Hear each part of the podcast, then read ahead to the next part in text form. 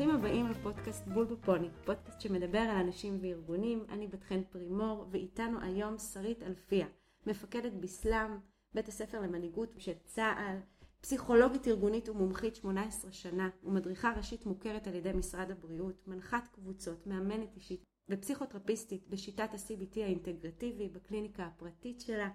שלום, שלום, שלום, איזה כיף לראות אותך ולהיות איתך כאן הבוקר. ולפני שאנחנו ככה צוללות, אני רק אגיד שאנחנו היום הולכות לדבר יחד על מנהיגות וניהול קרמי אינטגרטיבי. אז ברוכה הבאה. מה שלומך? מתרגשת. בוקר אור בת חן. כיף לפתוח איתך את השבוע, ובטח במעמד הזה אני שמחה להיות שותפה לבייבי שלך. וגם ההכנה לקראת וההתכוננות היו מאוד uh, מעניינים ומרגשים. מבחינתי המעמד כאן הוא מאוד מרגש אותי גם בהיבט של הקשר בינינו. אה, את היית מדריכה שלי אה, בקבוצת העמיתים הראשונה שלי כיועצת ארגונית מלפני מעל עשור והיית סופרוויזורית שלי. יש בינינו מערכת יחסים של אהבה של שנים.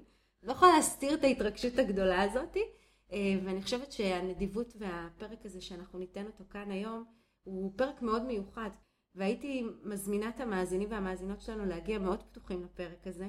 ולנסות לראות מה הם יכולים לקחת, כי, כי, כי יש כאן משהו בקרמה כבר שנמצאת פה בחדר שהיא הרבה יותר uh, מעצימה וגדולה. אז במשפט אחד, מה שאתה זורע זה מה שאתה קוצר, או מה שאת זורעת זה מה שאת קוצרת. את רוצה עץ תפוחים? אז תשאלי זרע של עץ תפוח. אם את שותלת uh, זרע של עץ תפוח, לא תקבלי עץ קוקוס. זה נורא משמעותי להבין את זה. בעצם גישת הניהול הקרמי מכווינה אל מנהיגות מיטיבה שמובילה לתוצאות מצליחות. בעיניי היא גם מובילה לארגונים בריאים יותר, גם לעובדים אבל גם למנהלים, כי המים בסופו של דבר שכל העובדים שותים או שוחים בתוכם הם טובים יותר, נקיים יותר. אני גם רואה חיבור בין הפודקאסט הזה לפודקאסטים הקודמים שאת אה, אה, דיברת עליהם כאן, אם זה מנהיגות במרחבים משותפים, אם זה פיתוח אישי, מסלולי קריירה, הם כולם מתחברים בעיניי לפילוסופיה עמוקה. בעצם של איזושהי מהות, של איזשהו עמוד אה, שדרה ניהולי מקצועי, כמו שהגישה של הניהול הקרמי בעצם אה, מגלמת. אבל לפני שאנחנו צוללים בתכן, חשוב לי להגיד, זכויות היוצרים שייכות לגשת אה, מייקל אה, רואץ' גשע זה דוקטור, אה, שהוא כתב גם את ספר הניהול הכרמי וגם את ספר להב היהלום, ולמה הדבורה צביאלי שבעצם הקימה את המרכז לניהול כרמי כאן בארץ, בישראל, לירן כץ ומירי שאצלהם למדתי, ובכלל תודות גדולות גדולות גדולות לרבקה הראל, שהיא מלווה אותי בחיבורים ויישומים ארגוניים של הגישה. יש מאמר נפלא שכתב אה, אבי אלטמן, נקרא מעשים שמניעים אנשים, מכירה, כן, אני רואה. בוודאי. אה, והוא מדבר על כך שהמונהגים לומדים על הכוונות האמיתיות של המנהיגות דרך ההתנהגויות בפועל, ולא דרך ההצהרות שהמנהיגים מצהירים. כאדם פרקטי מאוד, ואת יודעת את זה, היה חשוב לי לתרגם את זה אל עולם המעשה. שהעומק והשורשים מתורגמים בעצם ליכולת של כל מנהל. כל מנהל שעכשיו מקשיב לנו, שהוא יכול ליישם את זה. מה הם העקרונות המרכזיים של הניהול הכרמי? הניהול הכרמי בעצם מתבסס על שני עקרונות מרכזיים, ריקות וקרמה שמשולבים ביחד. ריקות מבטאת עקרון פשוט, שבשפות פסיכולוגיות אחרות נוכל לתאר אותם כהשלכה. אנו יודעים שאם אנחנו נמצאים עכשיו באירוע מסוים, כל אחד מהמשתתפים יתאר את האירוע באופן אחר.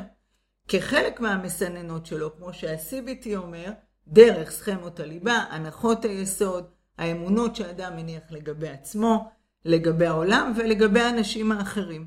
אנחנו ננסה לסייע לו לייצר פרשנויות אחרות ולהרחיב את אופן ההתבוננות על העולם. כמובן שהדבר דומה גם לגבי האופן שבו אנחנו חווים מנהל מסוים. אנחנו נפגוש שתינו מנהל מסוים ונגיד, וואו, איך הוא מצליח, איזה אופטימי הוא, איזה בעל השראה הוא, ונוכל לראות מישהו אחר שמדבר עליו כשטחי, אולי כמנותק, לא מחובר אל הקרקע, וזה מדהים אותי בכל פעם להיווכח, שכמספר האנשים בחדר, מספר המציאויות האפשרויות. האם אני יכול להחליט לראות את מה שאני רוצה? איך הדברים קיימים במציאות שלי, ואני משליך אותם. את יודעת, אם ניקח אה, לדוגמה את הסיטואציות בתקופה האחרונה, mm-hmm. יש קיצוצים. נכון. יש התייעלות כלכלית, היא קיימת במציאות האובייקטיבית, היא בלתי תלויה בי. יש קורונה, אנחנו לא יכולות להיפגש. השאלה היא איך היא פועלת במציאות שלי ומה אני מייחס לה. הכל מסך לבן ואנחנו שמים על הדברים את התכונה, הכל השלכה. יש לדברים להיות פוטנציאל, גם זה וגם זה. או כמו ששייקספיר אמר, הדברים כשלעצמם אינם טובים או רעים, הם תלויים באופן שבו אנחנו חושבים. זה מאוד גם מזכיר לי אה, איך בסמנטיקה, אה, בחקר המשמעות של מילים אה, וביטויים בבלשנות, אנחנו מתייחסים לזה שלמילים ולמושגים אין באמת משמעות פנימית. אין להם ערך מלבד המשמעות המשותפת שאנחנו מייחסים אליה כולנו ביחד. ואני חושבת שגם בהתאמה, גם כאן הריקות מתייחסת לכך שבסוף שני אנשים מגיבים באופן שונה לאיזשהו עצם, לאיזשהו מצב, לאיזושהי תופעה כמו שתיארת לנו כאן. ובעצם התפיסה אה, שאני מבינה ממך זה שאנחנו מסתכלים על איזשהו אה, עצם מסוים ואנחנו חושבים שיש לו תכונות משל עצמו, היא בעצם שגויה. הפוטנציאל כאן בעצם מתממש כתלות להשלכה. מה שאנחנו בעצם מביאים והדרך שבה אנחנו מתייחסים היא ההשלכה שדיברת עליה. אני חושבת שמאוד מעניין להסתכל על העיקרון הזה של הריקות אה, בהתבוננות שלנו כלפי פנימה, על עצמנו. אה, בפרשנות, בהתמודדות שלנו, בסיטואציות מסוימות, בביטחון העצמי שלנו, בתחושת המסוגלות שלנו, וגם אה, בהתמודדות מול אה, סיטואציות שמפעילות אצלנו זיכרונות ואירועי עבר שהם יכולים להפעיל אותנו ולתת לנו, להביא אותנו למקומות אחרים, מה שבאמת מייצר השלכה לדברים אחרים, ובסוף המיקוד במקרה הזה הוא מיקוד פנימי שלנו. אמרת כאן שני דברים שממש חשוב, ממש חשובים. אחד, שבאמת גם במילים, לכל אחד יש את הסמנטיקה שלו ואת המשמעות הפרטית, האינדיבידואלית, וכשאנחנו אומרים מילה מסוימת, אנחנו לא אומרות אותו דבר, וכאן באמת מאוד חשוב לברר ולהבין את, את הדברים.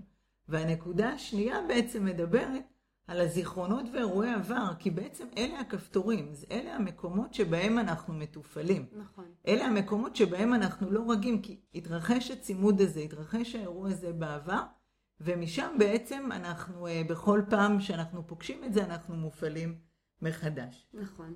מה לגבי העיקרון השני, הקרמה? אז קרמה בסנסקריט היא מעשה. ובפשטות כל מה שאתה עושה אומר או חושב כלפי מישהו אחר שהוא בעצם הזולת. אפשר בנוחות להגיד כל דבר שאני עושה.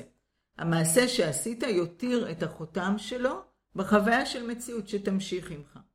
אבל בפועל נתעכב רגע ונגיד שהקרמה באה לידי ביטוי דרך שלושה מעשים. ההתנהגות שלך, הדיבור והמחשבה. למשל, ברובד של ההתנהגות שהתנהגת. פרגנת לעובד, התקשרת לדרוש בשלומו. ברובד של השפה למשל, האופן שבו דיברת איתו, האם דיברת איתו בכבוד, או שהיית אלימה, mm-hmm. היית פוגענית, וגם ברובד של המחשבה, מה חשבת בינך לבינך? אולי זהו הרובד הקשה ביותר, וחשוב להדגיש ש-95% מהקרמה נקבעת ממנו, מהמחשבה. את uh, מכירה את זה שאת uh, שומעת מישהו שמדבר uh, נהדר, אבל באופן עמוק את מרגישה שמשהו שם לא, לא מסתדר. את יכולה ל- לכתוב uh, ברכה למישהו ובסתר הלב לקנא בו או לקלל אותו, ובעצם זה כאילו שלא, שלא בירכת. חשוב לי להדגיש שהבסיס שעומד בבסיס הקרמה זו הכוונה. כלומר, אם עכשיו התכוונתי למשהו טוב, אבל מישהו אחר נפגע, וזה קורה, עדיין הרישום של הקרמה יהיה חיובי. למה? כי התכוונתי לטוב.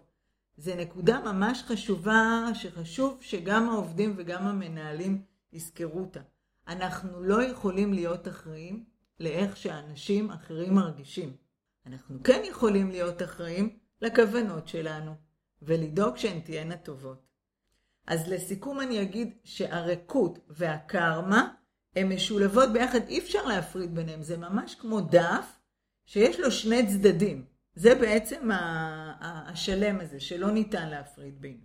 את יודעת שדיברת על הכוונה, אה, נזכרתי בסיפור שהיה לי פעם, אה, לפני, אני חושבת שזה היה איזה שנה, אה, מישהי באמצע, באמצע הכביש נפלה, עצרתי ישר בצד ועזרתי לה, ועזרתי לה לקום, אבל אני פספסתי את התור שלי לרופא. ואני זוכרת שאמרתי לעצמי, איך יכול לקרות מצב כזה? עזרתי לה, הרמתי אותה, עצרתי לראות שהיא בסדר, ופספסתי את התור שלי. ואני זוכרת שאמרתי לעצמי, זה יירשם מתישהו, זה יבוא לידי ביטוי, זה, זה, זה, זה חשבון שיגיע באיזשהו שלב אחר. אי אפשר להתייחס לקרמה כמזל רע או כמזל טוב. בסוף יש כאן איזושהי אחריות סיבתית מסוימת למעשים שלנו. אנחנו אחראים למה שאנחנו עושים, ומה זה אומר? כשמישהו אומר זו הקרמה שלי, הוא בעצם מתנער מהאחריות האישית שלו, על עצמו, על החיים שלו. אה, הוא לא מקבל את העובדה שהחיים שלו, כפי שהם נראים היום, הם בעצם הסיבה והתוצאה למה שקרה אתמול. זאת אומרת, מה שקרה לי באותו רגע שפספסתי את התור, זה הקרמה שלי, אבל יש לי אחריות מלאה לזה. זאת אומרת, אני זורעת כאן זרעים לדברים אחרים לגמרי. ואני חושבת ששוב, גם כאן זה חוזר לנקודה הקודמת גם שדיברנו עליה, על ההשלכה ועל הריקוד. המיקוד השליטה גם פה הוא חוזר אלינו, גם כבני אדם. אנחנו אחראים על המעשים שלנו. ואני חושבת גם על הכוונה של המעשים שלנו, שזה משהו שמאוד דייקת לנו כאן. הדוגמה אבל שנתתי ממש דוגמה מצוינת, אני מקווה שדרך ההנחות היא תהיה בהירה גם אה, יותר להבין את מאחורי הקלעים שלה, כי בעצם תיארת גם משהו שאת עזרת למישהו ובמקביל גם משהו שבאותה נקודה פספסת אותו, וזה התרחש לכאורה בצימוד אה, זמנים. אז אני אגיד שכמה בעצם אנחנו הרי מדברים על הגישה הבודהיסטית, אבל בעיניי זה לא משנה מאיזו תפיסת הפילוסופית אתה מגיע, אמונית, דתית, ההנחה הראשונה תהיה קשורה לאדם ולטבע שלו, ולשאלה העמוקה לגבי הטבע הזה של האדם, טוב או רע? אני מתבוננת על סיפורי התנ"ך, ואפשר לראות שם ממש את התמצית, נכון, בתכן, של הדינמיקה האנושית. לגמרי. מסיפור אדם וחווה, והפיתוי, והתאווה. וקין והבל, וקנאת האחים, אה, יעקב ועשיו, יוסף ואחיו, נכון? אנחנו ממש פוגשים את הרגשות האלה, הרגשות שבבודהיזם יגידו הם הרגשות המאמללים, שלא יכולים אה, לשאת אותם, ובעצם רוצים לסלק אותם. ואנחנו פוגשים בעצם את הנושא של שכר ושל עונש. אז אני אגיד שבשפה שלי, ככה, כשניסיתי להמשיג אה, לעצמי את הניהול הכרמי, משפט שלי שאני ככה הולכת איתו כמצפן, שהוא בעצם אומר, עשה טוב ככל שתוכל, בכל דרך שתוכל. וזו בעצם אה, תפיסה ניהולית כמו בתמצית של ואהבת לרעך כמוך, נכון? אומרים תתמצת ככה את התורה mm-hmm. למשפט נכון. אחד. אם אבל אנחנו אה, נעמיק בו רגע, אז זה מתבסס, מה זה בעצם עשה טוב? ככל שתוכל. אנחנו מדברים על זה שאנחנו אנושיים. לכל אחד מאיתנו יש את המגבלות שלו ואת המקומות האלה שמפילים אותו, מה שקודם גם קראנו להם גם הכפתורים והמקומות שבהם אנחנו מתופעלים. בכל דרך שתוכל, כי בעיניי גם אם נדמה שאין דרך, אז בוא תמצא אותה, תחפש דרכים שונות לעשות את הטוב. זה התחבר לי מאוד עם נתינה מדויקת אה, או נדיבות בריאה, אפרופו רבקה הראל, גם אני אה, למדתי ממנה המון ואני יכולה להגיד שאחד מהתפיסות עולם שלקחתי ממנה זה באמת שאני מאמינה בנדיבות הבריאה הזאת כדרך חיים, גם כבת, גם כאימא, גם כמנהלת וגם כיועצת. אה, ואני אסביר רגע מה היא אומרת בעצם, הנתינה הבריאה הזאת. הנתינה הזאת אומרת שזו צריכה להיות נתינה שנכונה. שהנתינה הנכונה הזאת היא מתוך בריאות ושלמות להוויה שלנו. מה שזה אומר בעצם שאני גם מקשיבה למה שנכון עבורי וגם מה שנכון עבור הסביבה או עבור האנשים שלצידי. ויש כאן משהו שהוא איזון שהוא נורא נורא חשוב להבין אותו כי את יודעת זה, זה מזכיר כמו במטוסים נכון תמיד שלפני שממריאים אז יש את הסרטון שמראה את האימא עם הילד שצריכה נכון, להביא את, נכון. את המסכה אז קודם כל האימא היא זאת ששמה את המסכה ואחרי זה אה, שמים את המסכה לילד אז אותו דבר גם כאן, אה, קודם כל אנחנו בוחנים ורואים שהנתינה הזאת היא נכונה, נכונה עבורנו, ואחרי זה עבור האחר, אבל בחיים, כמו שבחיים, זה באמת הרבה יותר מאתגר, זאת אומרת, גם כהורים לילדים קטנים אנחנו יותר נשאבים לדברים. גם אם אנחנו עובדים בעבודה שהיא עבודה מאוד עמוסה, אני לא חושבת שיש מישהו שלא עובד בעבודה עמוסה, אנחנו בקלות יכולים למצוא את עצמנו נותנים הרבה מעבר ליכולת שלנו, הרבה מעבר למה שאנחנו יכולים ומסוגלים, ואז אנחנו גם נהיים הורים פחות טובים, מנהלים פחות טובים, אנחנו מאבדים את הריכוז שלנו, ובסוף אנחנו קורסים. והנתינה המדויקת הזאת, שאני אה, חיה לצידה, היא מאוד מאוד משחררת בעיניי, היא נותנת משהו אחר לגמרי. אה, אז בואי נעבור להנחה השנייה. מה, מה היא בעצם? תראי, ההנחה השנייה ממש מתחברת לדוגמה שקודם אה, תיארת אותה, אה, שאת אה, עזרת אה, למישהי ולמעשה פספסת את התור, ואני אגיד שאנחנו רגילים בעולם המערבי לחשוב על קשר סיבתי, ישיר, שאם נעשה פעולה מסוימת נקבל תוצאה מסוימת, ונגיד שיש סיבתיות שהיא נראית אמיתית. למשל, אם אני אשאל אותך, בת חן, את מכירה אנשים שלמדו לימודים אקדמיים והצליחו? בטח. בטח. את מכירה אנשים שלמדו לימודים אקדמיים ולא הצליחו? בוודאי. את מכירה נשים שלא למדו לימודים אקדמיים ולא הצליחו? בוודאי. נכון, זה פשוט. ואנשים שלא למדו והצליחו? חד משמעית, כן. זאת אומרת, בדקנו פה למעשה את כל ארבעת האפשרויות במרחב, ובנקודה הזו, ארבעת השאלות האלה הן נקודות מפתח שאפשר להשתמש בהן לגב, כמעט לגבי כל נושא, כדי להבין למה למעשה אנחנו תופסים את הסיבתיות באופן שגוי. זוהי ממש הבנה עמוקה לגבי הריקוד. גם כמנהל, בנית מותג, פרסמת אותו, לקחת יועץ שיווקי, עשית הרבה פעולות, השקעת הרבה זמן, הרבה אנרגיה. כולנו משקיעים כל הזמן כמנהלים בפעולות אסטרטגיות. נכון. אבל בתכן, מה שקובע עכשיו את ה-15 אלף מאזינים שיש לך לפודקאסט, זה הקרמה שלך, שמתבטא דרך הזרעים שזרעת, והכוונה להביא ערך, כי במקביל אלייך בוודאי שיש עוד אנשים עם אותה כוונה שהשקיעו בפט, בפודקאסטים, ולא קיבלו את אותה אה, תוצאה.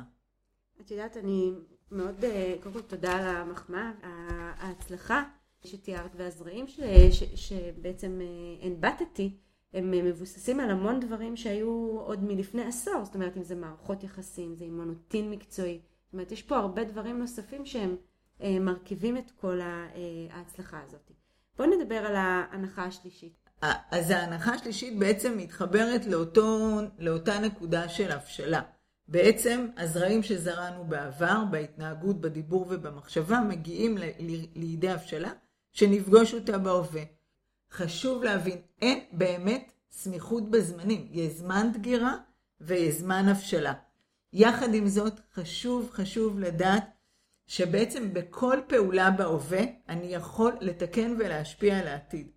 ולכן מה שאני אוהבת בגישה הזו, שהתפיסה שלה אופטימית ומלאה בתקווה.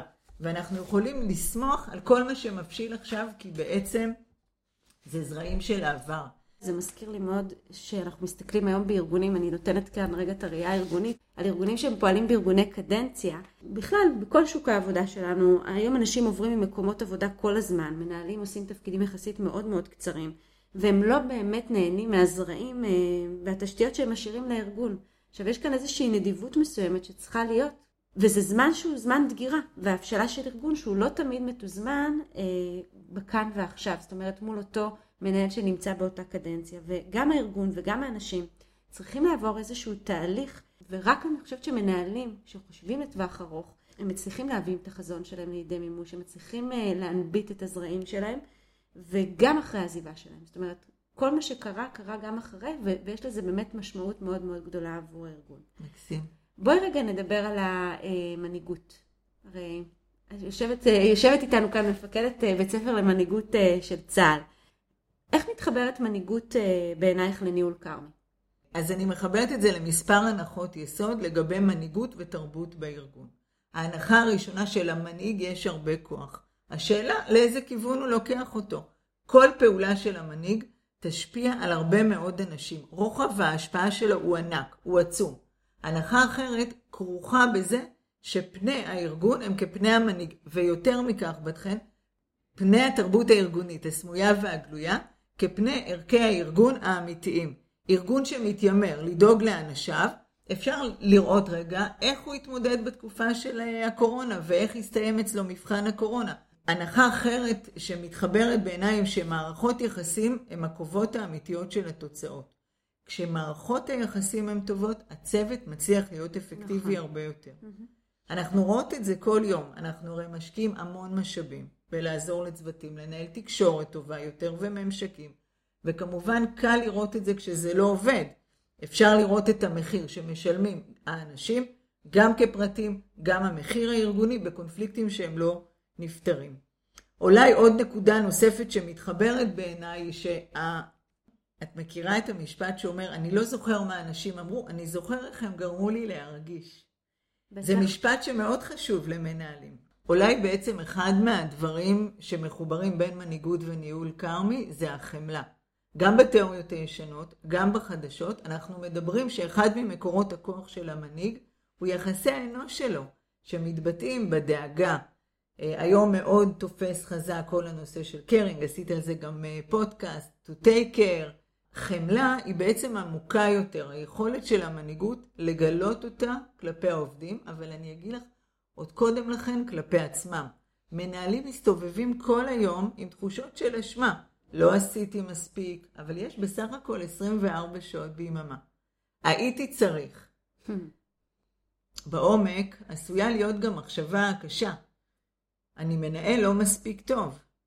אבל אם אני מצליח להיות בחמלה, קודם כל לעצמי, ולזכור את אותה כוונה שדיברנו עליה קודם נכון, בדיוק כמו שוויניקוט אה, דיבר עליו, על ה-good enough.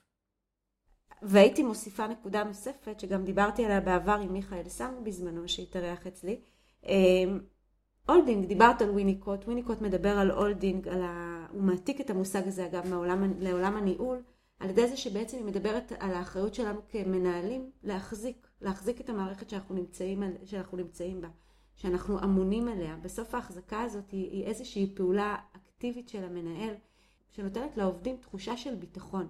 שיש להם באמת על מי להישען. אגב, אפרופו הבשלת הזרע שדיברת עליו.